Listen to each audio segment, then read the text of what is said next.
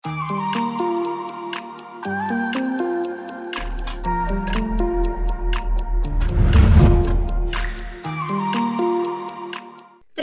two, one, on. Oke, selamat siang semuanya teman-teman. Hari ini saya Fitria akan menemani host di podcast kali ini. Eh, kita kali ini kedatangan tamu spesial impor dari jauh nih teman-teman. Oke, silakan Pak Selamat boleh Oke. perkenalkan diri. Terima kasih Mbak Fitria. Ya, saya Selamat Kurniadi. Sebenarnya sih eh, KTP masih Jakarta. Oke. Namun Domisili udah di luar Jakarta dari Tegal. Alhamdulillah datang semalam, terus dari rumah terus ada kegiatan di sekitar eh, Pekayon. Sekarang Oke. Seperti itu. Tapi tetap ya jauh dari dari Tegal. Oh iya, Tegal. Jauh dari Tegal menuju sini karena ada undangan spesial untuk Iya, isi iya, iya. podcast Iya, ini. iya. Oh iya nih Pak Selamat, kita kali ini akan ngomongin tentang perizinan dan pe apa tuh? Apa ya? Pendampingan. Ah, Oke.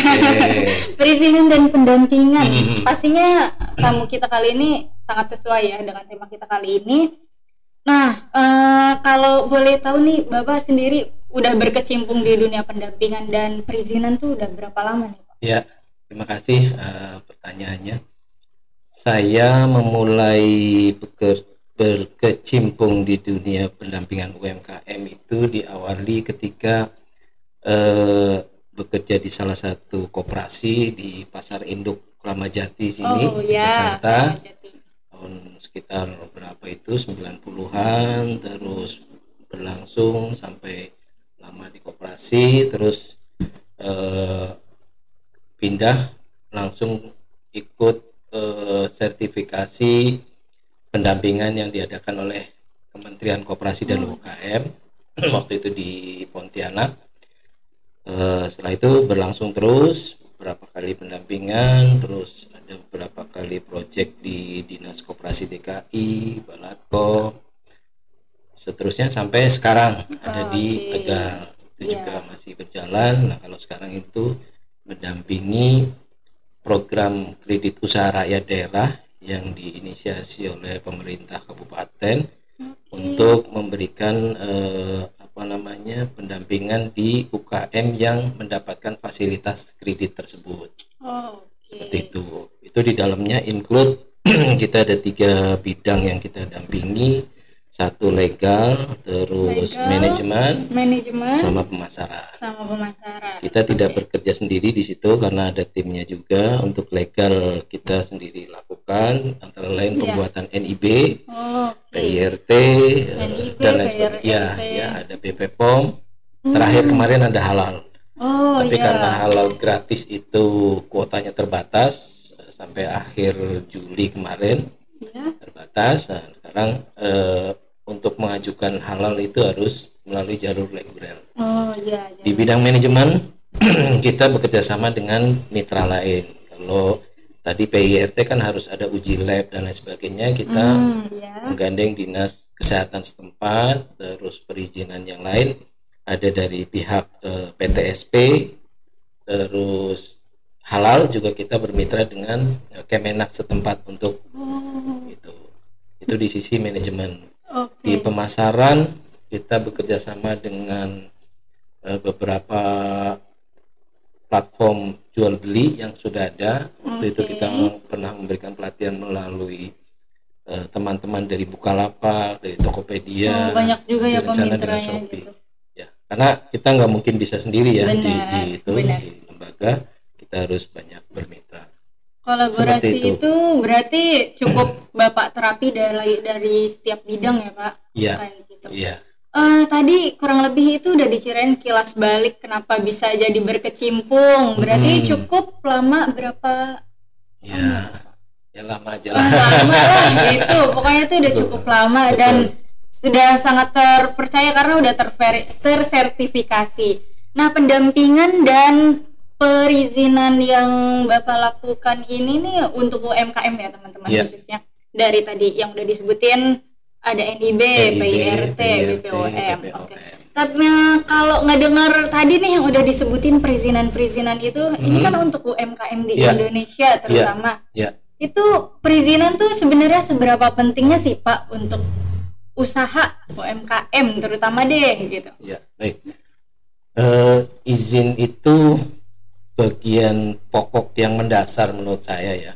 Pokok apalagi mendasar. apalagi dengan adanya undang-undang Cipta Kerja kemarin Oh, ya, tahun 2020 terus ada klaster UMKM turunannya di PP 7 nomor 2021 tentang kemudahan berusaha yang dilakukan melalui platform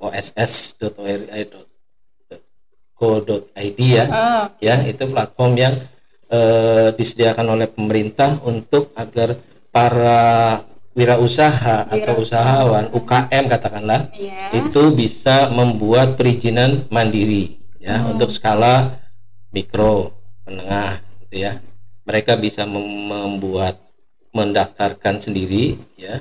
Mereka bisa membuka sendiri situs webnya Oke. sesuai dengan apa yang eh, bidang kerjanya. Misalnya di situ dikenal namanya KBLI.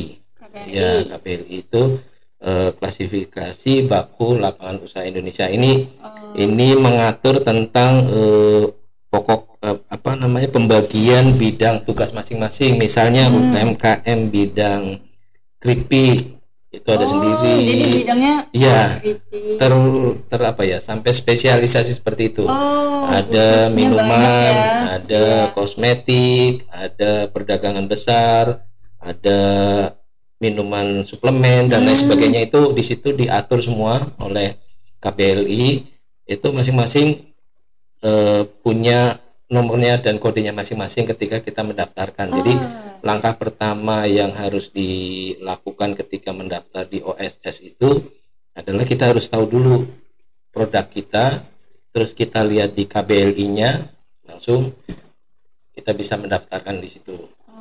Seperti Berarti itu. eh, dari yang udah ada ini sebenarnya perizinan itu didaftarkan udah eh maksudnya akses pendaftaran perizinan tuh udah dibikin mudah ya Pak Iya, ya iya, untuk iya. UMKM sekarang. Iya, rezim sekarang ini rezim pendaftaran jadi tidak harus apa namanya disuruh-suruh tapi kesadaran dari masyarakat dari pelaku usaha sendiri untuk bisa mendaftarkan. dan itu juga tidak harus UMKM ya Ya. bahkan yang baru misalnya baru merancang bisnisnya itu Oh iya. bisa mendaftarkan sendiri untuk itu karena di dalam satu fitur di situnya kan ada pertanyaan apakah usaha ini sudah berjalan Nah, Ah, berarti kan iya. ada juga yang belum Hmm. baru ide atau dan lain sebagainya Oh, dan juga. yang menjadi hal terpenting itu NIB itu identik dengan NIK jadi satu Hmm. orang memiliki satu NIB Oh. meskipun misalnya eh, seseorang saya katakanlah Iya. punya usaha jasa pendampingan terus bisnis telur asin bisnis kecap dan lain sebagainya itu cukup satu nomor seperti NIK ya kita punya Oke. NIK nah itu nanti nanti di dalamnya itu ada KBLI-nya masing-masing Oh, jasa iya. produk Jadi emang kayak satu nick lah gitu. Satu nick, itu iya. bisa mewakili beberapa produk. Iya. Itu ya Pak ya. Mm-mm. Oke. Tadi udah sempat nyinggung tentang NIB. Sebenarnya kepo banget nih tentang Mm-mm. NIB. Iya. Cuman sebelumnya saya sempat pengen eh, saya pengen nanya dulu yang tentang eh, misalkan kalau eh, ini kan tentang kesadaran ya Pak. Iya. Rezim sekarang nih udah tentang kesadaran Mm-mm. untuk mm, pendaftaran Iya. seperti itu. Mm. Kalau dari kacamata Bapak sendiri ya Mm-mm. tentang perizinan di Indonesia nih untuk UMKM di Indonesia tuh udah seberapa melek Pak kira-kira? Oke, iya terima kasih. Eh sebenarnya kalau ditanya seberapa jauh UMKM merespon adanya OSS itu, Oh iya. ya bisa dibilang sudah hampir cukup sampai 90% karena oh, apa? Alhamdulillah Eh, ya. di selain gerakan eh, selain memfasilitasi dengan OSS itu pemerintah perizinan OSS juga melalui beberapa lembaga itu udah banyak apa edukasi ke masyarakat sehingga termasuk ke dinas-dinas paling bawah ya dinas terkait misalnya dinas koperasi, dinas perdagangan, dinas perindustrian dan lain sebagainya itu sudah banyak eh, mensosialisasi platform ini agar teman-teman pelaku usaha harus segera karena selain apa namanya ya eh, mudah. Apa namanya tapi bisa langsung di dalamnya banyak apa perizinan yang bisa diakomodasi. Tidak hanya NIB saja. Ada PIRT melalui OSS tersebut ada BP POM ada SNI bahkan ya. Iya. ada bina bina UKM namanya. Itu itu bisa diakses oleh sendiri. Bahkan yang kemarin itu kita bisa membuat perusahaan PT sendiri namanya perusahaan perseorangan Oh ya. tanpa melalui notaris jadi Oh, kita sudah wah. dan itu legalnya sama seperti PT pada umumnya itu kita sangat bisa ya. terbantu sekali itu ya Fitri. kesadaran itu terus ada edukasinya ya pemerintah Iya, daerah benar. juga mengedukasi melalui eh, badan apa, PTSP terus teman-teman pendamping juga sudah banyak saya lihat di beberapa daerah sudah banyak melakukan Iya. edukasi pentingnya NIB dan pentingnya eh, melakukan pendaftaran di OSS tersebut Oke, berarti bisa disimpulkan berarti untuk kesadaran UMKM Indonesia tuh alhamdulillah udah sangat cukup melek iya dan em, kolaborasi yang ada tuh dari setiap aspek tuh sangat mendukung ya Pak dari Iya. sosialisasi dari berbagai em, bidang dari kedinasan kayak Betul. gitu. Wah, alhamdulillah banget ya ini berita baik banget semoga hasil ke depannya sangat luar biasa untuk UMKM Iya. Indonesia. iya iya Oke, kita balik lagi nih ke NIB. Mm-mm. Tentunya NIB itu kalau boleh eh, diterangin oleh Bapak, NIB itu sebenarnya apa tuh Pak? NIB itu nomor induk berusaha Nah, di masing-masing baik itu pelaku usaha, produk maupun jasa ya, itu wajib memiliki nomor tersebut sebagai ya wajib memiliki wajib. Sebagai salah satu persyaratan baik itu nanti akan mengakses eh, pembiayaan atau melakukan apa eh, ketika perusahaan kita atau perusahaan UMKM tersebut ingin mengikuti tender dan lain sebagainya pengadaan barang dan jasa itu juga harus ber NIB oh, atau yang di skala bawah sajalah. Misalnya produk kita saya memproduksi telur asin akan dimasukkan ke apa namanya eh, toko berjejaring misalnya Iya. A atau eh, I ya Iya, Juga nanti itu bisa syarat utamanya adalah salah satu harus NIB dan PIRT itu yang yang selalu diwajibkan baik selalu di mana pun diwajibkan. akhirnya semua pelaku usaha mau tidak mau harus memiliki NIB iya benar juga Gitu. sih ya. Berarti bisa dikatakan dari semua perizinan yang tadi nih udah kesebut beberapa ada NIB, PIRT, BPOM, terus halal. Kurang Iya. lebih dua ini ya Pak ya? Yang utama deh kalau bisa punya dulu ya tolong Iya, gitu iya. karena semuanya udah pakai ini Iya. NIB sama PIRT kalau eh, untuk keduanya ini nih ya Pak sebenarnya kan tadi OSS udah dikasih tahu sebenarnya lu udah cukup mudah ya Pak ya Iya. untuk mengaksesnya. Iya. tapi misalnya kalau boleh dikulik ya Pak dari semua perizinan ini nih yang paling ribet itu ada nggak sih Pak? Makanya jarang yang punya.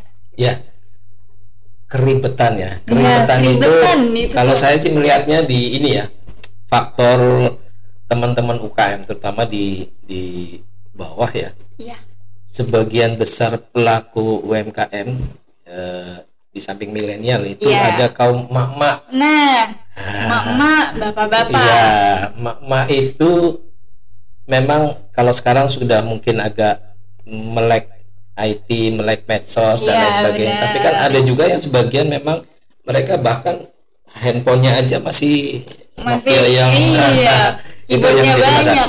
itu yang menjadi terkendala di lapangan Hmm, ketika iya. kita mengedukasi eh, UMKM pada khususnya yang masih di daerah-daerah terpencil, Iya. masih eh, banyak pelaku usahanya adalah eh, UMKM tradisional ya tanda Iya. petik yang mereka berjualan, memproduksi, menjual dan mendistribusikan secara jalur-jalur tradisional Iya. sehingga ketika diadakan edukasi mengenai yang berkenaan dengan teknologi ya, teknologi masuk eh, OSS itu mereka banyak terkendala Hmm. ini yang menjadi tantangan teman-teman pendamping, teman-teman iya. komunitas untuk eh, terus mengedukasi mereka agar mau ini. Kalau buat milenial saya rasa itu sangat mudah lah. Oh, iya. Eh, apa namanya anak sekarang tidak perlu diajarkan pasti sudah bisa karena tutorialnya juga sangat banyak di Iya. YouTube. Oh Jadi iya, bisa mengikuti itu aja. Semuanya bisa kita temukan Harusnya, di YouTube. harusnya seperti Harusnya itu. sih benar. Gitu. Oke, berarti bisa dibilang kalau untuk kesulitan tuh untuk perizinan palingan itu ya, misalnya kalau digital dan itu juga cuma untuk beberapa Iya, gen aja iya, nih. betul, gitu. betul. Tapi kalau untuk administrasi tuh ada nggak pak yang Apa nih administrasi apa itu? administrasinya misalnya dari semua perizinan kayak BPOM, Mm-mm. eh, halal. Yang paling ya NIB Mm-mm. itu administrasi yang paling ribet penye- Oh, persediaannya iya. ada nggak sih pak? Masing-masing eh, punya karakteristik sendiri-sendiri Iya ya. kan? Nah, Yang paling dasar itu tadi NIB. iya NIB. Setelah NIB kita lihat dulu nih produknya apa. Ketika produk makanan kering Mm-mm. itu dia mendaftarkan eh, PIRT di platform itu juga Mm-mm. di OSS. masih di OSS. Ah, di um, namanya UMKU ya. Eh, itu bisa didaftarkan di situ. Namun setelah nomor eh, PIRT itu keluar, yang bersangkutan tetap harus ke dinas kesehatan setempat untuk apa? Uji laboratorium dari produk itu sendiri. Oh, Bagaimanapun itu harus diuji lab, ya, karena itu produk yang dikonsumsi ke Hmm. manusia, sehingga yang dijual belikan terjamin, terus tidak ada unsur yang merugikan kesehatan dan lain sebagainya. Mau nggak mau tetap itu. Sebenarnya sih simple. Yang menjadi ribet itu ketika dia nggak mau bertanya, Hmm. itu aja sebenarnya. Tidak ada bimbingan itu. Gak mau bertanya sesat di jalan Iya. itu yang jadi ribet Betul, gitu Mbak. ya iya Ya. sih benar juga Mm-mm. oke eh, ini kalau kita tadi kan udah ngomong tentang perizinan ada NIB PRRT Iya. ya udahlah udah disebut mulu deh dari tadi Ah, Em, untuk pengeluaran biaya ada nggak sih pasti ada lah ya untuk perizinan di OSS di OSS nah Iya, kan ada. ini udah digital nih Iya. masih ada kah tidak ada biaya. oh udah Iya. nggak ada Ya, ini akan selamanya apa free selamanya. Kecuali tadi ya uji laboratorium Oh, iya. karena di situ akan ya. ada proses harus membuat preparat segala macam yang membutuhkan biaya. Tapi semahal-mahalnya masih tetap terjangkau buat UMKM. dan itu akan worth it banget buat Betul. usaha kalian ya kan Gini loh, maksud saya eh, perizinan-perizinan yang dilakukan baik itu yang mahal sekalipun misalnya hak kekayaan intelektual, Hmm? merek oh, iya. maupun SNI jangan dianggap sebagai biaya pada saat itu Iya, karena kalau se- di- dianggap sebagai biaya di laporan keuangan itu akan sangat rugi kan Eh, karena biayanya iya. mahal tuh kalau yang halal secara reguler aja 3 juta sampai 4 juta Oh, iya. SNI itu apalagi karena itu menyangkut eh, nasional Iya, standar kalau mau ekspor dan lain sebagainya itu puluhan juta. Tapi bagi yang bijaksana dan UMKM yang sudah memahami izin itu adalah investasi jangka panjang bener ya. bener banget Itu investasi jangka aset panjang yang tidak berbentuk intangible ya. Mm-mm, Itu. intangible. Tapi bahkan sekarang kabar gembiranya katanya royalti di YouTube aja udah bisa dijadikan jaminan di bank. iya bener bener banget bener Itu. banget itu kabar terbaru Merek pun mungkin kita berharap sih bisa. amin atau dari amin eh, ini ini apa terobosan-terobosan yang membuat UMKM harusnya itu semakin dimudahkan ya, Iya, semakin diperlebar jalannya berusahanya sehingga kalau kita bisa memanfaatkan betul-betul ya bisa sukses iya gitu. banget dong Tinggal persepsi dari masing-masing kembali ya. Iya. Kalau itu dianggap invest eh, apa biaya, biaya akan mahal. eh, mahal berat Malas deh. ngurus itu. Tapi kalau dibilang itu adalah investasi, aset ya di neraca dimasukkan sebagai aset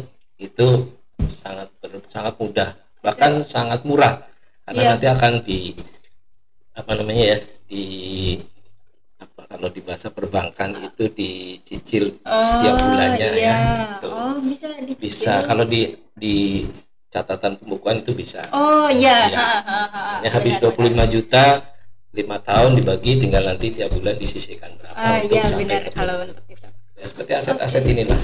Ya hmm, ini aset juga apa sih? Oh ya nih pak. Berarti kan tadi bisa dikatakan sebenarnya ini gimana mindset sih untuk perizinan Betul. padahal tadi udah bapak bilang jangan nganggap beban jangan Iya, nganggap biaya iya, iya. ini tuh investasi dan emang jelas nyatanya nih ya teman-teman Eh, perizinan itu tuh akan ngebawa kita mudah melanglang buana ke mana pun Betul, ya kan ya betul, pak ya betul. terus juga eh, bahkan untuk perizinan ekspor pun itu biasanya syarat yang harus ada tuh apa pak Iya. pasti kan UMKM pengen lah. Nggak yang di Indonesia aja apalagi yang kayak di tetangga ya deh produknya. Nggak dong. Iya, itu kalau ekspor harus biasanya apa tuh pak? Ya, satu tadi Kebanyakan NIB jelas ya. NIB jelas itu harus ya Kalau di beberapa negara muslim ya kalau halal ya pasti harus itu oh iya sertifikasi benar. halal. Dong. Kalau PRT sih nah, nanti tinggal di dalamnya ada namanya HACCP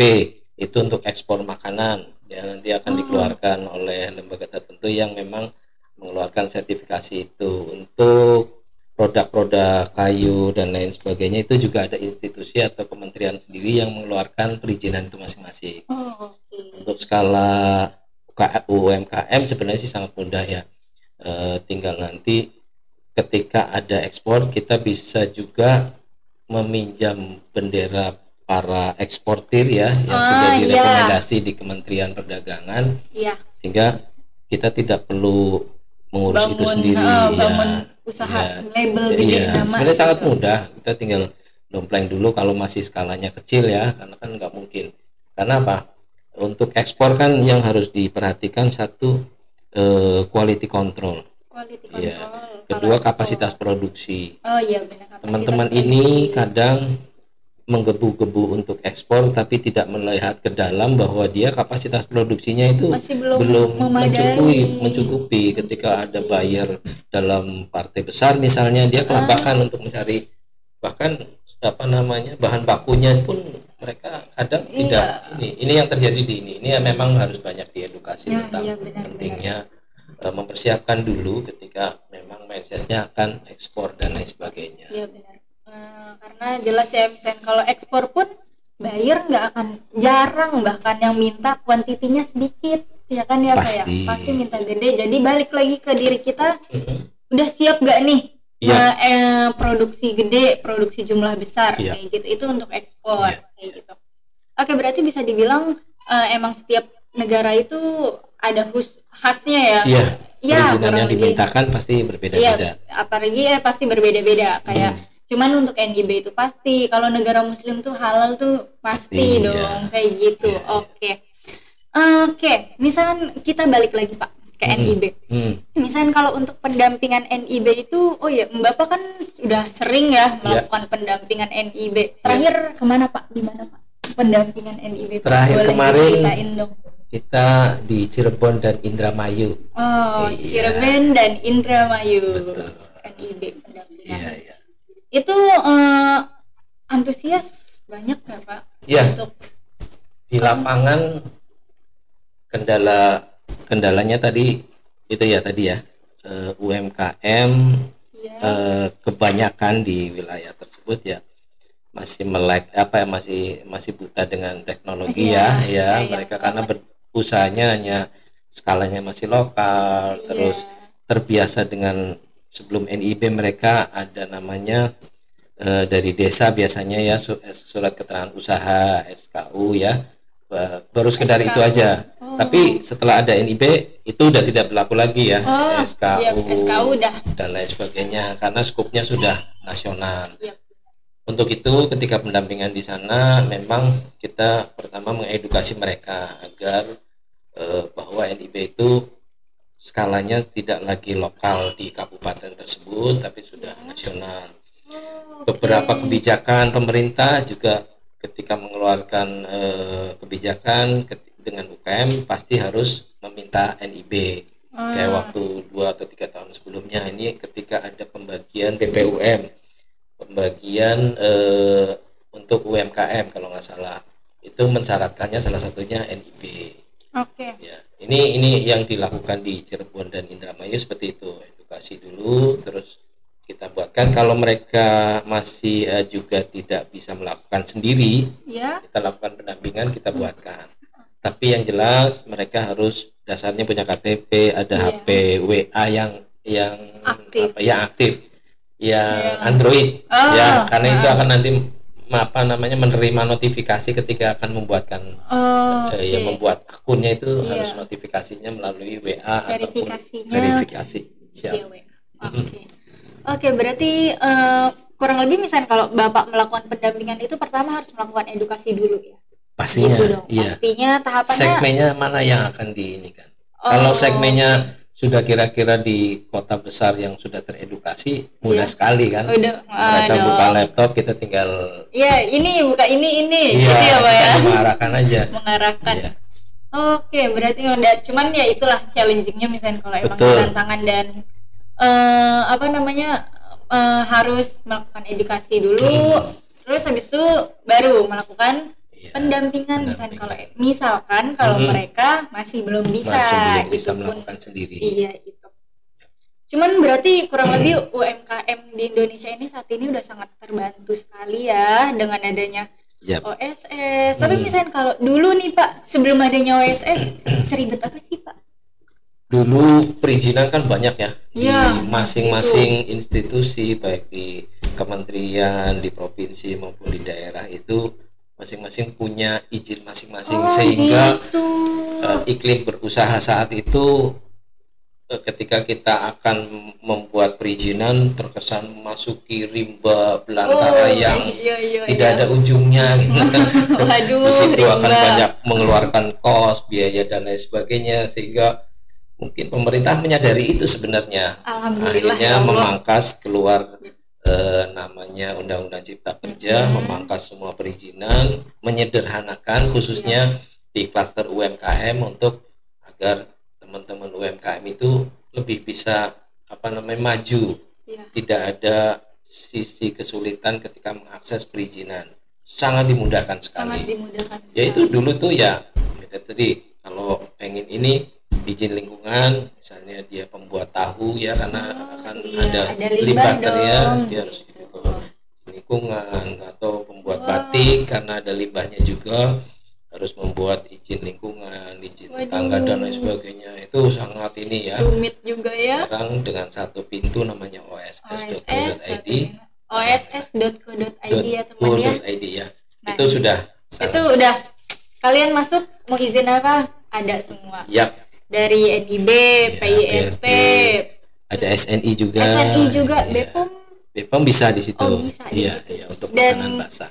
bahkan udah kelasnya tuh eh, sama dengan dengan notaris menggunakan notaris. Yang gitu. ya itu PT persorangan. itu yang kalau kita maunya bangun PT lewat OSS itu udah aman. Iya. Udah Setara terverifikasi dengan- setara dengan PT biasa yang melalui notaris iya itu dia wah tapi tetap nanti ada kelas-kelasnya ya Iya, tetap ada kelas-kelasnya dan eh, masih bisa dipelajari lagi nih ya teman-teman OS- OSS itu. Cuman pastinya perizinan saat ini untuk UMKM kalian harus banget eh, melakukan hal itu Ya. karena ya itulah perizinan apa Pak? Eh, Fondasinya ya. Fondasinya, fondasinya dari membangun usaha. Usaha.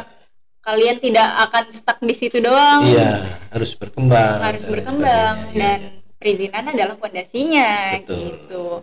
Oke, misalkan kalau bisa, eh, misalkan kalau bapak nih mau mau menggaungkan tentang apa namanya tentang perizinan itu sendiri, kira-kira bapak tuh ma- maunya bilang gimana sih pak ke UMKM? Karena kan pasti masih ada dong yang apa sih namanya yang kayak menganggap sepele perizinan adalah orang di sini saya jalan aja kok gitu loh. Itu gimana pak kalau Ya.